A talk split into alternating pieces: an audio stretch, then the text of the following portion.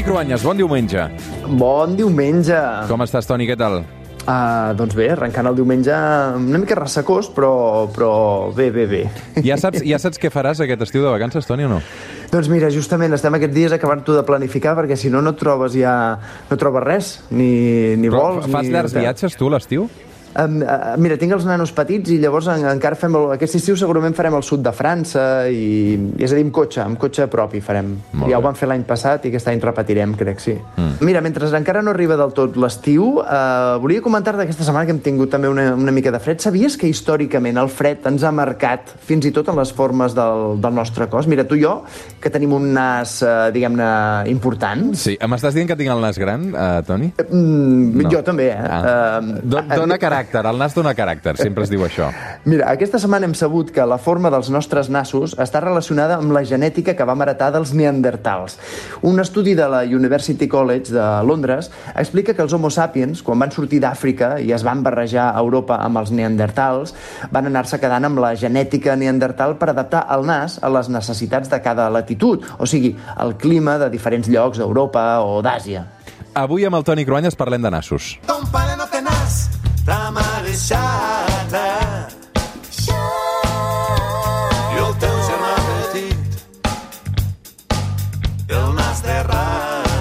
Això és un clàssic popular, eh, crec que ve de Mallorca, ton pare no té ta mare és xata.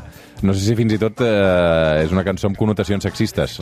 Bé, poca broma. Hi ha molts atributs culturals que s'han relacionat amb la forma del nas i estèticament ens determina molt perquè, bé, ja ho deies, no? un bon nas marca caràcter. La gent amb el nas punxegut es creu que és impertinent.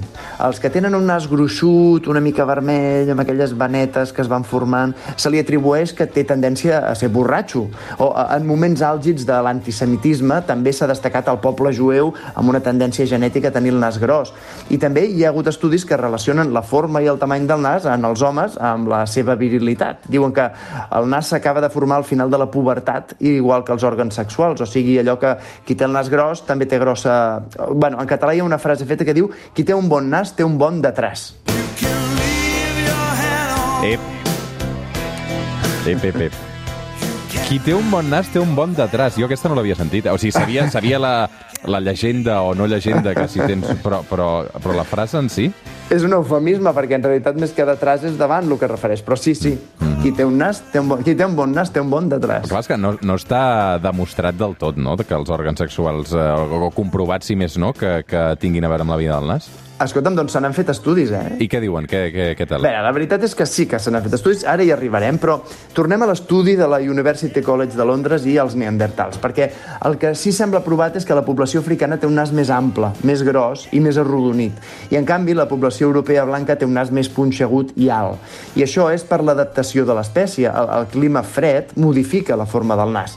El nas dels blancs, com el teu i el meu, no respira amb tanta facilitat. Les partícules de l'aire i l'aire en general en la població africana entren directament, mentre que per nosaltres han de pujar i travessar més espai de narius, de cavitats. Puja l'aire per després baixar cap a l'aparell respiratori i en aquest trajecte s'escalfa i es depura quan es respira aire massa fred i massa sec. És a dir, Toni, tenim el nas gros a causa del fred. Sí, això ho hem sabut ara, en aquest estudi de l'evolució de l'Homo sapiens. Però si mirem l'evolució més gran, des dels primats fins a nosaltres, ens fixarem que els micos, els ximpanzés, tenen els forats del nas directament a la cara, sense la protuberància del nas. I és que, en el fons, el nas molesta, com dèiem abans, no? és a dir, ha de pujar, baixar l'entrada de l'aire, l'aire ha de fer molta remenamenta, diguem-ne, puja i baixa, fins a arribar als pulmons. I com és que l'Homo sapiens inicial l'africà va desenvolupar un nas, Toni?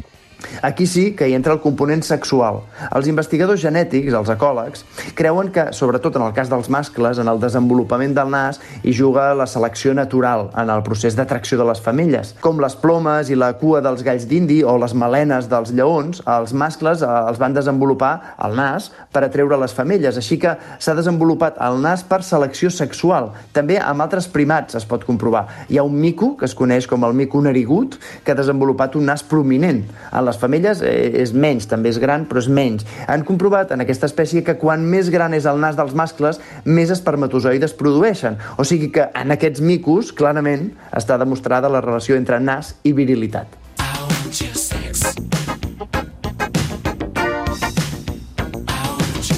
I del nas i al sexe passem ara al nas i la salut, Toni.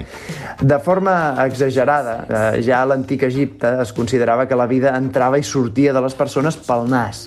És a dir, hi ha representacions gràfiques en jeroglífics en què el déu del sol porta la vida al nas del faraó i de la seva família. A a l'edat mitjana, a l'època de les grans pestes, es creia que la verola, la pesta negra i totes les infeccions es transmetien pel nas. I per això els metges portaven grans mascaretes per tapar-se el nas i la boca. Creien que els esternuts eren demoníacs. De fet, es creia que amb els esternuts una part de l'ànima sortia ja del cos i, per tant, els esternuts presagiaven la mort. E gira tutti intorno alla stanza mentre si danza, danza.